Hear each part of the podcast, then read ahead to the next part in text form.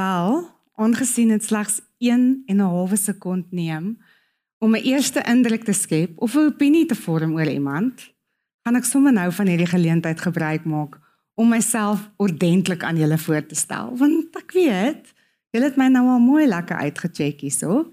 Dis wat ons as vrouens doen, is ons kyk mekaar uit. So op daardie noot gaan ek vir julle 'n bietjie meer van myself vertel. Maar ek wil jou eers vra of jy weet dat daar krag is in die storie wat jy vertel. En bo dit wil ek met julle 'n deel van my storie deel. En daardie deel weet ek is 'n deel wat ek uit 'n plek van oorwinning met julle kan praat. So as 'n hoërskool tienermeisie het ek geweldig gesukkel met my vel en ek praat nie van net geweldig nie. Dit was vir my ongelooflik erg. Dit het my selfvertroue totaal naal aangetas. Ek het absolute onvermoë gehad om mense in die oë te kyk. Dit het so effek gehad op my menseverhoudings en dit is eintlik so hartseer. Want dit is so 'n belangrike deel van 'n tiener se ontwikkeling is daardie tienerjare. So ek was so skaam en ek was totaal in 'n identiteitskrisis gedompel. Om dit verder te vat, het ek skole verander en in my nuwe skool was ek geboelie. Ons het uiteindelik my vel uitsorteer, my ma het my dermatoloog toe gevat en ek het medikasie gekry. Maar toe land ek in 'n nuwe skool en toe's my nuwe uitdaging, die grootste boelie in die skool. En ek is glad nie iemand wat beklei nie, ek's nie iemand wat terugbeklei nie en ek het dit maar net hanteer. So ek wil ook maar net sê, ek was omtrent 25 jaar terug 'n tiener gewees. So tye het ook nou al aansienlik verander. Ons het gelukkig nie sosiale media gehad nie. So in my universiteitsjare het my ouers geskei na 'n huwelik van 22 jaar. So om hierdie identiteitskrisis nou nog verder te beklemtoon, was ek toe nou 'n tiener in haar 20's wat rebelleer. En 3 weke voor my LLB eindeksamen is my dogter gebore. Ek was 23 jaar oud. En binne 'n periode van 4 jaar het daar kanonne van bomme gebars in my lewe. My ouers is geskei na 'n huwelik van 22 jaar, identiteitskrisis nommer 1. Ek het 'n dogter gekry en ten spyte van die feit dat ek verloof was, het ek gekies om nie te trou nie wat my in 'n identiteitskrisis nommer 2 gedompel het en nommer 3 my pa is oorlede 2 jaar nadat my dogter oorlede is. So, ek wil net 'n bietjie agtergrond skets. In 'n familie soos my familie was my besluit om nie te trou nie geweldig ongewild geweest. Want my ouma was die voorsitter van die Aksie Morele Standaarde in Suid-Afrika. Nou vir die van julle wat nie weet wat dit is nie, dit is die mense wat die ouderdomsbeperkings op al die flieks sit. Dis die mense in die kampvegters wat teen abortus praat, teen voorhuwelikse seks, teen basies alles wat verkeerd is, eintlik teen basies alles wat ek gaan staan en doen het. So Johanni was baie ongewild in ons geestelike familie. Daai besluit was ongewild, daar was van my verwag om te trou. So ek het gekies om 'n enkel ma te wees. En ek het nie besef die swaar las wat saam met dit sou kom om hierdie enkel ma te wees nie. So Deur die dag het ek my artikels gedoen, in die aande het ek my regskool gedoen en dan het ek gejaag om Mila te gaan borsvoed sodat ek haar net gesond kan kry en dat ek so gou as moontlik toegelaat kan word om 'n prokureur te wees wat kan geld verdien. En ek het nie geweet dat ek so uitgestoot gaan voel en soos 'n uitgeworpene gaan voel as 'n enkel ma nie. Ek was naderhand nie meer uitgenooi na partytjies toe waar al my getroude vriende genooi was nie want ek was die enigste een wat nie getroud was nie. Ek was ook baie uitgeskuif in die kleuterskool want ek was die jongste ma. Ek het nêrens daar ingepas nie. Ek dink ek het net altyd so behoefte gehad om net iewers 'n plekkie te kry waar ek kan inpas en ek het nêrens ingepas nie. So dit het hierdie dryf in my begin wakker maak om myself te begin bewys. Hierdie dryf in my om te wys hoorie maar ek behoort ook ek het ook 'n plek hier. Ek wil so graag aanvaarding hê. So ek het baie lank gewag ten spyte van die feit dat ek baie mans ontmoet het, het ek baie lank gewag voordat ek vir die eerste keer getroud is en die laaste keer. Ek is vir die eerste keer getroud op die ouderdom van 40. Ek het altyd gedink Mila gaan 'n blomme meisie wees wat so oulik my help en langs my loop down the aisle. Um needless to say, sy was basies matriek geweest toe ek vir die eerste keer getrou het. Um dit was ook die eerste keer in my lewe wat ek kon deelneem aan 'n skoonheidskompetisie. Mevrou Suid-Afrika het altyd teen my gediskrimineer omdat ek 'n kind gehad het en mevrou Suid-Afrika het altyd teen my gediskrimineer omdat ek nie getroud was nie. So dit was die heel eerste keer wat ek kon deelneem aan so 'n skoonheidskompetisie. Nou deur hierdie jare as 'n enkel ma het ek geweldig baie prestasies bereik en toekenninge bereik. Ek het 5 grade, ek's 'n prokureur, ek's 'n aktevervolger, ek's 'n notaris. Ek het my international board exam gedoen in financial management in CIS. Ek het 'n klomp toekenninge in verskillende industrieë gehad. Ek was 'n sportagent. Ek het regtig baie toekenninge gehad, maar dit was omdat ek hierdie dryf gehad het om net te wys dat ek ook 'n plekkie in die son wil hê en dat ek ook net so graag aanvaar wil word. En hierdie het my ongelukkig so ver gedryf dat ek in die hospitaal geland het met 'n totale ineenstorting. Ek het 'n totale burn-out gehad en hierdie het my geskok tot in my diepste wese. Waar ek besef het, hoor hierso, iets moet verander. En daar in die hospitaal op my rouste het ek God herontmoet en heeltemal gestroop van enige pretensie, van enige toekenning, van enige accolade, het ek hom rou en naak ontmoet, haar ontmoet, waar hy vir my 'n vrede kom bring het om vir my te sê dat jy is genoeg. Ons almal hoor dit so baie, maar dat jy is genoeg. Alles wat jou pla, jou breë heupe wat jou pla, jou dun beentjies wat jou pla, al die goedjies wat jou pla buite binne, jy is nie te moeilik nie, jy is nie too much nie. Al daai goeders het die Here vir my kom sê jy is oorlas genoeg en jy is presies waar jy moet wees. En ek was oorweldig met 'n vrede wat alle verstand te bowe gaan.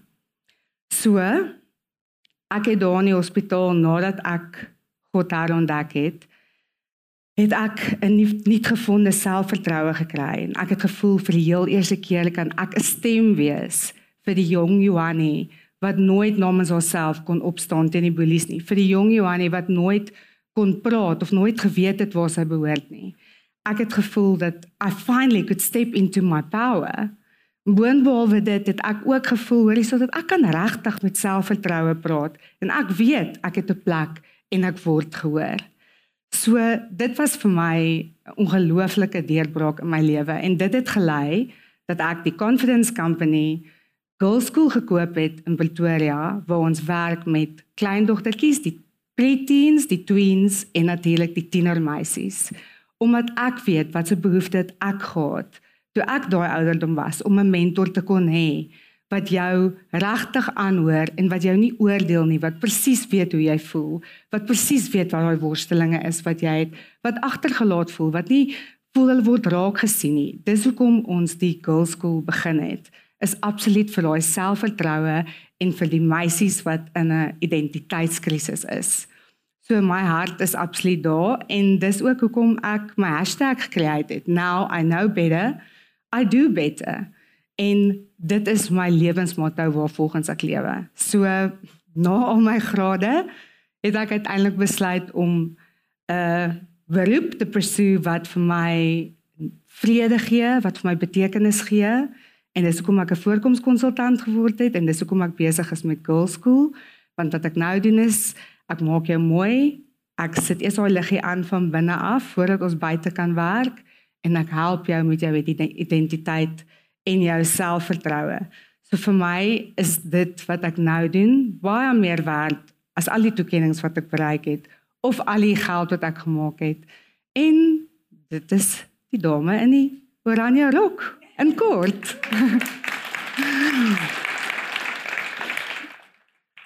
so. Ek wil vir jou vra nê, wat sien jy as jy voor die spieël staan? Nou, dit kan wees dat jy letterlik net die uiterlike sien. sien jy net met daai kritiese uiterlike oë, ag genade, kyk nou net hierdie rakmerke. kyk nou hierdie stukkie pens wat nou hier hang. Ag, oh, my boobs net nie so gehang het nie. Ek wens ek het kleiner boobs gehad. Ek wens ek het groter boobs gehad. Hoorie so, maandag moet ek begin oefen. Ek moet begin oefen. Oh, en hier is ek ook nou nog besig om 'n stukkie hare te verloor. Kyk dit lyk my vel, kyk dit die pigmentasie. Dit is baie interessant, nee, maar statistiek het bewys dat meeste sport Olimpiese atlete kyk na hulle self in die spieël en hulle voel nie goed genoeg nie. Of andersins kan ek jou vra, kyk jy na jouself in die spieël en jy sien net hierdie innerlike konflik, hierdie innerlike worsteling wat jy het. Dit is so onregverdig. Die mense gaan net aan met hulle lewens terwyl my hele wêreld in duie gestort het. Ek is so alleen. Ek het niemand wat ek kan vertrou nie. Niemand verstaan waar ek gaan nie. Of kyk jy na jouself in die spieël en dink net aan hoe niemand vir jou kan lief wees en jy nie vir jouself lief is nie. Sê vir jouself hoor jy ek het droog gemaak. Daar's geen uitweg meer nie. Ek sê die meer dis te laat vir my. Baie van die vrouens wat in my studio inkom praat uit 'n plek van vrees en ongeloof en twyfel.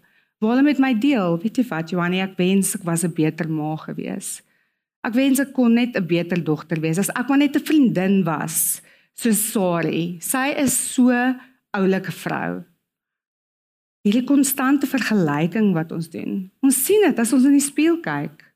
Ons sien daai worstelinge. Ons sien hoor jy ek wil nie meer hier wees nie. Hoekom is ek nog hier? Ek wil nie meer hier wees nie. Of jy kyk na jouself en jy sê jou identiteit het geword wat iemand anders aan jou gedoen het. Ek is gelos. Ek is verwerp. Ek was nie die moeite werd voor om geveg te word nie. Wel, Jy kan ook vir jouself in die spieël kyk en dink jy is so bang om enigsins eers iets te probeer, daar's dalk iets nuuts wat jy wil aanpak, maar jy is so bang dat jy gaan misluk dat jy nie eers probeer nie. Of die die baie baie gewilde imposter syndroom van dat jy voel jy's bang dat iemand jou gaan uitvang en dat jy nie regtig so oulik is soos wat almal dink jy is nie. Nou wil ek julle vra. Hoeveel van ons staan voor die spieël eerlik nou en praat die waarheid teenoor die leuen? Hoeveel van ons staan voor die spieël en sê die waarheid? Want ons almal weet wat se waarheid.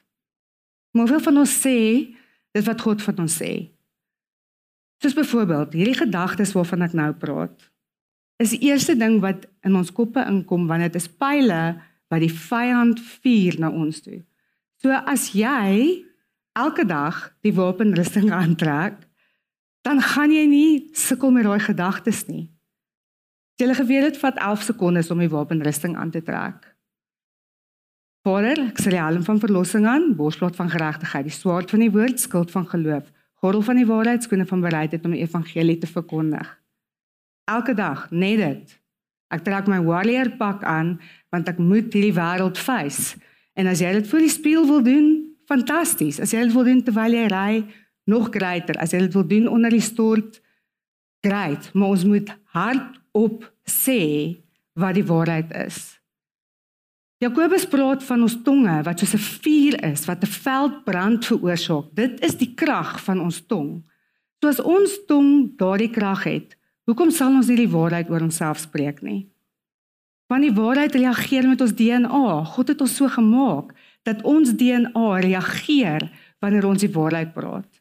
Hoeveel van ons spreek Psalm 91 oor onsself, oor ons families, oor ons gesin uit? En ons almal weet dit, maar dit is die protection Psalm. Ek wat in die skuilplek van die Allerhoogste sit, sal vernag in die skaduwee van die Almagtige. Ek sal tot die Here sê my toevlug en my bergvesting, my God op wie ek vertrou, want hy is dit wat jou sal red. Al die net van die voelvanger van die verderflike pes. Hy sal jou dek met sy vlerke en onder sy vleuels sal jy skuil. Sy trou is 'n skild en panser. Jy hoef nie te vrees vir die skrik van die nag, vir die pyl wat bedags vlieg nie, vir die pes wat in die donker wandel, vir die siekte wat op die middag verwoes nie. Al val daar 1000 aan jou sy en 10000 aan jou regterhand, na jou sal dit nie aankom nie. Net met jou oë sal jy dit aanskou en die vergelding van die goddelose sien, want U Here is my toevlug. Die Allerhoogste het jy jou beskutting gemaak. Geen onheil sal jou tref en geen plaag sal naby jou tent kom nie. Hoe vinnig vat dit eintlik vir elkeen van ons om net voordat jy uit die huis uitstap net te sê geseën sal ek wees in die stad, geseën sal ek wees in die veld. Geseën is die werk van my hande, geseën is my eiendom en al my geld. Geseën sal ek wees as ek uitgaan, geseën sal ek wees by die huis. Net waar ek gaan sal die Here genade aan my bewys. Om my seën oor ons uit te spreek en om die waarheid oor ons uit te spreek in plaas plaas van hierdie leuns en hierdie gif wat die vyand ons voer en veral vir ons as jong meisies. Veral vir ons as jong meisies. So ek wil jou vra dat wanneer jy weer voor die spieël staan, probeer jouself herinner. Probeer net jouself herinner dat jy doen nie jouself guns aan, want dit bou op. Dit bou op oor dekades. Party van ons sit hier wat al oor dekades vir onsself die leuns van die vyand bevestig. So As jy 'n kliënt is en jy kom na my toe vir 'n voorkoms konsultasie en ek moet vir jou 'n makeover gee, moet jy maar weet, ons gaan nie eens 'n paar werkies moet doen aan die binnekant want dit help nie ek maak jou net mooi van buite af en daar's nie binne die regte liggies aangesit nie. Maar terwyl ons nou so van uiterlike praat, kom ons gesels 'n bietjie oor een ding wat ons almal vrou maak en dit is ons boobs. So Ek gaan julle vra om jou arm te vat en om reg onder jou boobs te druk soos dit. Maak jou arm in 'n L-vorm. En dan wil ek hê jy moet vir my kyk, waar is die middel tussen jou elmboog en jou skouer? En as jy jou middel gekry het, dan gaan jy van daar af en jy trek dan 'n reguit lyn deur jou bra. OK, al twee kante toe en jy was nou veronderstel om jou twee sterretjies te raak. So as jy nie nou jou sterretjies geraak het nie, beteken dit jou bra sit op die verkeerde plek. Of noord of suid of te hoog of te laag of iets. Maar dit is baie belangrik dat jou bra op die regte plek sit. So hoe weet ons wanneer sit ons bra nie op die regte plek nie? Heel eerstens as jy in die spieël kyk en jy sien hy bult hierso en hy trek so styf hier, dat hy so ingaan, dan weet jy hy is te styf by jou skouers. As hy afval, as die strappie los is, as hy afval, beteken dit die bra is 10 teen 1 te oud. Replace hom. Hy het beter dae gesien. Dit is nie meer die waarheid nie, okay? As jy omdraai en hy maak agter so bogie, beteken dit dat daai rek van hom wat suppose is om alles styf te hou, is haar gewas uitmekaar uitgewas. Daai bra werk glad nie meer nie. Jou bra moet glad nie agter 'n bogie maak nie. Hy moet heeltemal reguit wees en jy klip hom net elke keer soos wat jy stywer wil gaan. As jy hier langs die kante uit mekaar uitbars, beteken dit jou cup size is te klein. As jy ehm um, ja, so dit is die belangrikste ding. Maar een ding wat ek gesien het wat baie vrouens nog steeds nie reg kry nie is hulle weet nie wat is die regte bra en hoe om die regte bra te dra nie. So ek gaan julle vinnig leer. Jy vat jou maatband en dan vat jy hom aan die kant wat sê inches. OK? Dan vat jy hom om jou lyf. Ek gaan nou maar net so gaan. For the sake of it. Reg onder jou reg onder jou bieste op die heel kleinste deel van jou lyf. En dan gaan hy nou vir jou sê 32 of 34 of 36 of 38. Dis wat jy doen. Dit is die eerste deel van jou braamate. Okay, die tweede deel vat jy hom reg oor in die middeloor, oor die breedste deel van jou bors. Sien maar ek het hom nou net gemeet en hy was 34. En ek meet hom nou weer hier en hy sê nou 37. Dan beteken dit daar is 3 cm verskil. Elke sentimeter is 'n koppie grootte. So, as ek nou 34 was, 35 is A, 36 is B, 37 is C. Ek is 'n 34 C. Verstaan julle dit? Dit is belangrik om die regte braad te dra. Dames, ek het al vrouens se lewens verander deurdat hulle die regte braad gedra het. Ek het vrouens gehad wat by my aangekom het met 'n dubbel G en ek sê vir jou nou, jy kan nie 'n dun strap braad dra as jy jy het nie die ondersteuning vir dit nie. En partykeer gaan jou braad dalk nie noodwendig die heel mooiste een wees nie, maar hy gaan sorg dat jy 'n silhouet het, dat jy opgelig is. Soos wat jy kan sien op die foto's, kan jy sien dat die oomblik toe die vrou die regte bra aan het in die beige kleur en in die pink kleur, kan jy sien dit lyk ewe skielik asof sy slanker is. Haar borste sit hoër, sy het ewe skielik 'n middel en dit gee vir jou 'n silhouet. So dis baie belangrik dat jy die regte bra dra. So in girls school vir ons baie keer vir die meisies, ons gee vir hulle hierdie foto van die twee huise. En dan vra ons vir hulle, wat een van die huis lyk like vir die mees toeganklikste? Ons doen dit met die ehm um, jong laerskoolmeisies en ons doen dit met die tieners.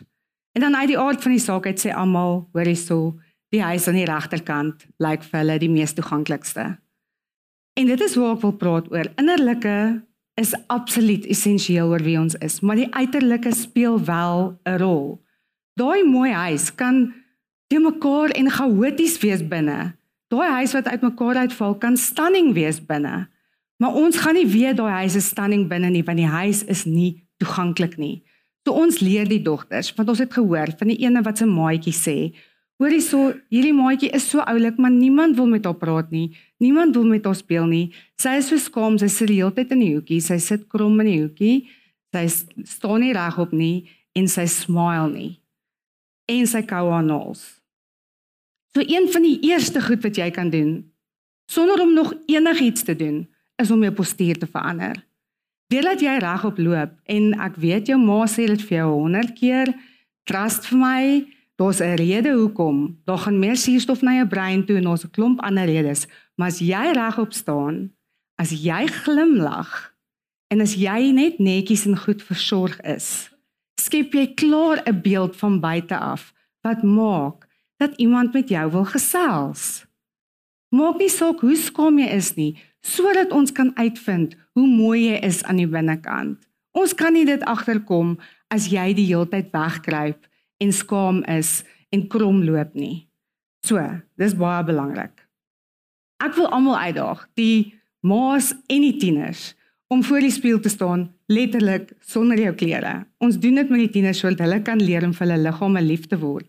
Want hulle vergelyk hulle self so baie met hulle maatjies dat dit ongelooflike traumatiese effek het en dit verblind jou vir jou eie skoonheid.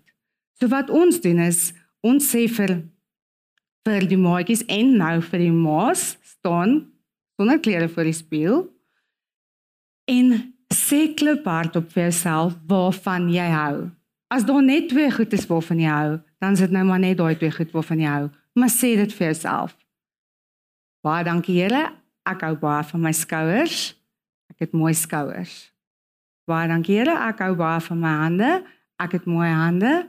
Ek dankie vir my hande. Wanneer jy dit sê, kyk met liefde en waardering en met selfrespek na jou liggaam, wat se deel dit ook al is en sê, weet jy wat? Ek het mooi boude. Ek het mooi bene. Dis oukei okay om dit te sê. Dit beteken nie jy is arrogant nie. Dit beteken dat jy het jouself lief. Dis baie belangrik. Onthou om net te fokus waarvan jy hou. Ehm um, iets wat vir my baie interessant is is om jou liggaam te behandel soos wat jy jou beste vriendin sal behandel. Ek herhaal dit weer. Maar om jou liggaam te behandel soos wat jy jou beste vriendin sal behandel. En hoekom het jy aan die begin eers van jou vriendin gehou?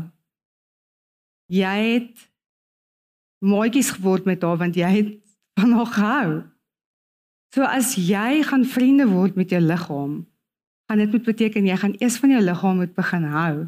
En hierdie is die proses wat ons vat om te leer hoe om elke deeltjie van ons te begin waardeer en lief te hê. OK? As jou refleksie jou nou regtig vreeslik pla en daar's soveel goed van jou wat jy wil verander, dan kan jy met liefde 'n voorkomskonsultant kom sien Ons gaan jou kom help met alles wat dit is wat jy nodig het. Onthou daar's 'n 80-20 reël. Dit beteken jy dra net 20% van die klere in jou kas. 80% van die klere in jou kas dra jy nie. Hoekom? Wanneer goed word gewas, gaan wasgoedmandjie toe. Kom terug, hang weer net op dieselfde plekke. Ons dra die hele tyd net oor dieselfde goed wat ons sien. So, jy gaan geld spaar wanneer jy 'n voorkomskonsultansie want ons help jou hoe om reg te koop. Ons wys vir jou wat se skakerings die beste by jou pas, watter kleure jou laat ophelder, watter kleure jou dreineer. Ons kyk na jou gesigvorm, ons kyk na jou neklengte, ons kyk na jou liggaamsvorm. Ons kyk letterlik na alles. So ons kyk na wat gaan die meeste help om vleiend te wees vir jou liggaam. En ehm um, ek dink dit is definitief die moeite werd om te belê. Een van die belangrikste goed van om 'n voorkomskonsultant te sien is jou styl persoonlikheid want elke een het 'n eie styl persoonlikheid. Jy kan ook presies dieselfde lyf hê as jou vriendin en sy het 'n rok aan en somehow as jy dit aantrek, werk dit net nie. En die rede hoekom dit nie werk nie, is omdat sy 'n ander styl persoonlikheid het as jy. Daar's meer as 15 styl persoonlikhede. So she can wing it, she can pull it off, maar jy kan nie dit afpull nie want dit is nie jy nie. Jy's dalk meer klassiek of elegant, sy's dalk meer 'n rocker chick of sy is dalk meer 'n bohemian. So, een van die interessantste goedes wat ons doen wanneer jy kom vir 'n konsultasie, is ons meet jou neklengte. Ons kyk of jy 'n kort nek het, ons kyk of jy 'n medium nek het en ons kyk of jy 'n lang nek het. En die rede vir dit is om jou net soms in balans te bring en jou te help sodat jy dalk slanker kan vertoon. Maar as jy kyk op die prentjie, Ons sê altyd round add bounds. So as jy 'n lang nek het, nê, kan jy maar 'n ronde T-shirt dra. Maar as jy 'n kort nekkie het, suster, dan kan jy nie 'n ronde T-shirt dra nie. Jy gaan baie vreemd lyk. Jy sny jouself nog af. Die mees vleiendste halslyn is 'n V-nek. So die mense met lang nekke kan chokers dra, hulle kan polo necks dra, hulle kan serpe dra. Die mense met medium na smal nekke moet maar altyd kyk dat ons ons nekke in 'n V-lengte dra want dit is die mees vleiendste. Alles gaan nie altyd oor hoe om mader te lyk nie. Dit gaan oor hoe om in balans te lyk. Dis wat ons wil doen met styl. Is hoe lyk jy in balans? En dan nog iets wat baie interessant is wat ons doen is ons kyk na jou beenstruktuur. So as jy jou hand vat en jy vat jou middelvinger en jy vat jou duim en jy kyk of jy aan mekaar raak. As jy oor jou duim gaan, beteken dit jy het 'n klein beenstruktuur. As jy net net raak, beteken dit jy het 'n medium beenstruktuur en as jy glad nie kan raak nie, het jy 'n groot beenstruktuur. So gaan vir julle verduidelik. Ek het 'n medium beenstruktuur en ek het vir my hierdie dier Joe Porket rokkie gekoop. Sy kom teen 15 jaar terug. En vir een of ander rede werk hierdie rokkie net nie by my nie en hy is vrek duur en maak nie saak wat nie, hy sit perfek in my body shape. Alles werk, maar iets werk net nie. Toe kom ek agter want ek was baie maar gewees daai tyd, so toe dink ek ek het seker 'n klein beenstruktuur. Toe besef ek hoor ek het nie 'n klein beenstruktuur nie, ek het 'n medium beenstruktuur. So hierdie het klein print Hierdie sirkeltjies is klein print. So die oomblik wanneer ek wat medium is, klein print dra, lyk ek funny. Dan lyk ek vreemd. So ek moet 'n medium print dra. Kyk net die verskil. Maar ek dink julle behoort 'n idee te kan kry as julle kan sien wat gebeur as ek net iets aantrek wat 'n effens 'n groter print het, nog steeds dieselfde kleur is, swart en wit, maar dadelik lyk iets reg. Kan julle dit sien? Dis omdat ek aantrek volgens my beenstruktuur. So dis een van die goedjies wat ons nog vele leer. So my vraag aan jou vandag is: Wat gaan gebeur as jy jouself gaan toelaat om te begin skyn? As jy gaan ophou terugkrimp of ophou wegkruip of ophou in die skade wees wegkruip, maar letterlik as jy jouself gaan toelaat om so hard te skyn as wat jy moontlik kan skyn, Ek praat nie van arrogant wees nie. Ek praat van dit waarvoor God jou geroep het. Wat gaan gebeur as jy jou gedagtes verander? Wat gaan gebeur as jy begin anders praat soos wat Romeine 4:17 sê, ons roep die dinge wat nie bestaan nie asof dit bestaan. Wat gaan gebeur as jy daai dinge oor jou lewe begin roep wat nie bestaan nie, dit wat jy wil sien in werking kom in jou lewe? Wel baie van ons weet hoe om te vra, baie van ons weet om te bid, baie van ons weet om te glo, maar bitter min van ons weet hoe om te ontvang. En vandag wil ek regtig graag hê dat jy moet kan ontvang. Jy moet kan oop wees dat daar iets baie groot na jou kant toe kan kom. So ek wil julle vra om julle oë toe te maak en julle hande uit te rek asof jy iets gaan ontvang en ek wil hê julle moet agter my aan sê asseblief. Vandag wil ek hê jy moet ontvang die tra transformasie van God se stem, sy stem oor en transformasie ervaar. So ek wil julle moet sê ek is genoeg. Ek mag skyn. Ek is die moeite werd. Dit is nou my tyd. Ek is reg om groot goed te ontvang. Julle kan julle oë maar oopmaak. As jy hierdie glo, dan glo ek saam met jou dat jy 'n jaar van bonatuurlike bespoediging van God se werke in jou lewe gaan sien.